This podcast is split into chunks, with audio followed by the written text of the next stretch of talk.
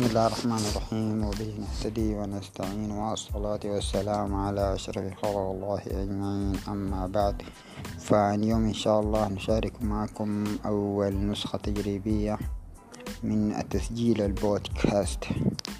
آه البودكاست شيء جميل جدا و سواء الناس لا يحبون قراءة المقالات الطويلة فإن تسجيلها ونشرحها بصورة صوتية يؤدي إلى زيادة المطلعين عليه.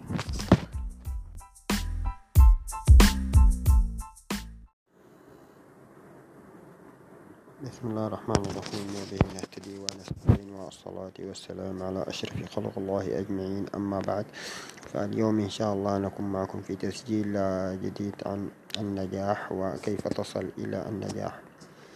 فالنجاح يعني الإنسان لكي ينجح في حياته لابد أن يكون له هدف وأن يسعى لتحقيق هذا الهدف بكل ما لديه من قوة وقدرة وأن يتوكل على الله سبحانه وتعالى أولا وآخرا. فالنجاح ما سهل فالنجاح ما سهل يجب إنك إنك تجتهد وتواصل وتستمر في إنك تقدم محتوى وتقدم شيء جديد للناس وتتعلم. وأهم حاجة من يعني من المخ من أساسيات النجاح إنه التعلم. الإنسان دائما يتعلم ويواصل في التعلم.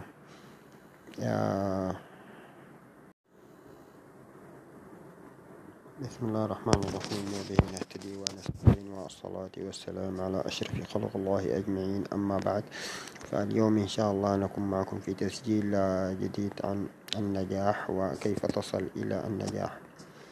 فالنجاح يعني الإنسان لكي ينجح في حياته لابد أن يكون له هدف وأن يسعى لتحقيق هذا الهدف بكل ما لديه من قوة وقدرة وأن يتوكل على الله سبحانه وتعالى أولا وآخرا.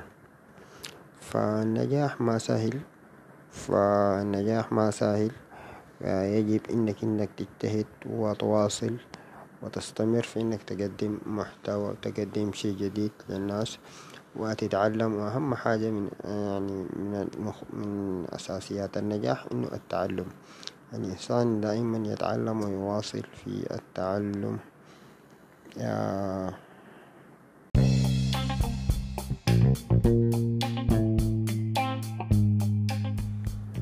بسم الله الرحمن الرحيم وبه نهتدي ونستعين والصلاة والسلام على أشرف خلق الله أجمعين أما بعد فإن شاء الله تسجيلنا اليوم حتكلم عن الأفكار وزحمة الأفكار التي تشغل بالنا كل يوم فيعني مثلا كم فكرة تمر عليك يوميا هل هي ستة ألف أم اثناشر ألف أم عشرين ألف أم ثلاثين ألف أم أربعين ألف. كمية كبيرة جدا من الأفكار تشغل بالنا يوميا بصورة مستمرة. ولا, ولا ندري أيها يعني سلبي أم إيجابي. يعني إلا أن تحدد فمثلا لو جينا نقول كم عدد الأفكار المكررة كم عدد الأفكار السلبية مقارنة بالإيجابية من هذه الأفكار؟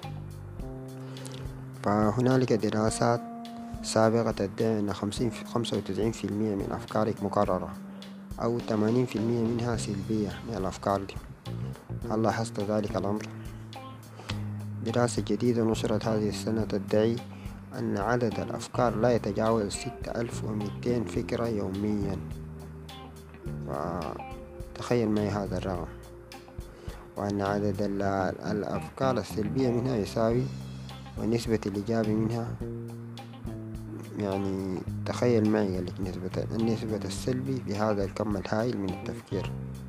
تساوي نسبة الإيجابي منها. شيء غريب جدا. كم مرة قلت أنا وأنا وأنا تحمل لوم وتوبيخ وسخط على نفسك؟ كم فكرة حملت الماضي لتستوطن الحاضر فيك؟ الحاضر لا يتجاوز أكثر من ثلاثة ثواني فقط. وأي شيء آخر يكون ماضي أو مستقبل. القائل دانيال كانمان. من كتاب The Big Things. كم مرة قلت أنا بلطف؟ أنا لا أستطيع أنا لا كده أنا لا أفعل أنا لا أنا لا أنجز في حياتي شيئا أنا لم أقدم جديد كده الأفكار عديدة جدا. أصبح البعض لا يركز على ماذا يفكر من كثرة الأفكار لديه.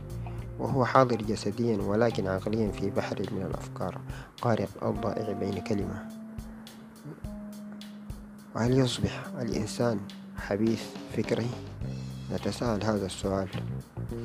فالإجابة هي بالطبع نعم.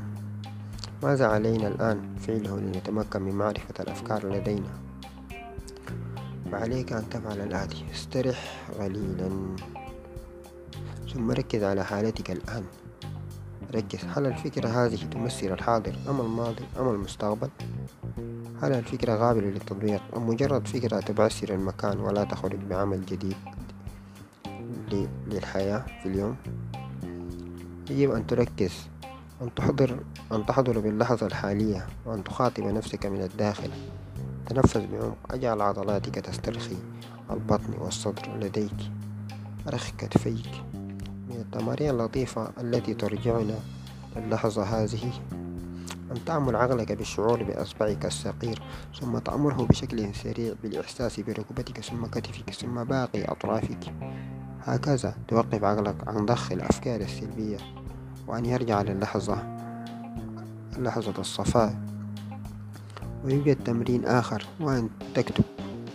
فالكتابة ليست مجرد هواية أو لغرض دراسي وعملي إنما لترتيب أفكارنا المتناثرة قسم الأفكار لسلبي أو إيجابي. لما تخرج الأفكار عن الورق يكون عقلك استراح من زحامها. فزحمة يوميا نعيشها من كثير من الأفكار تشغل بالنا. فإن شاء الله هنشارك معكم عدد من البودكاست القادم إن شاء الله.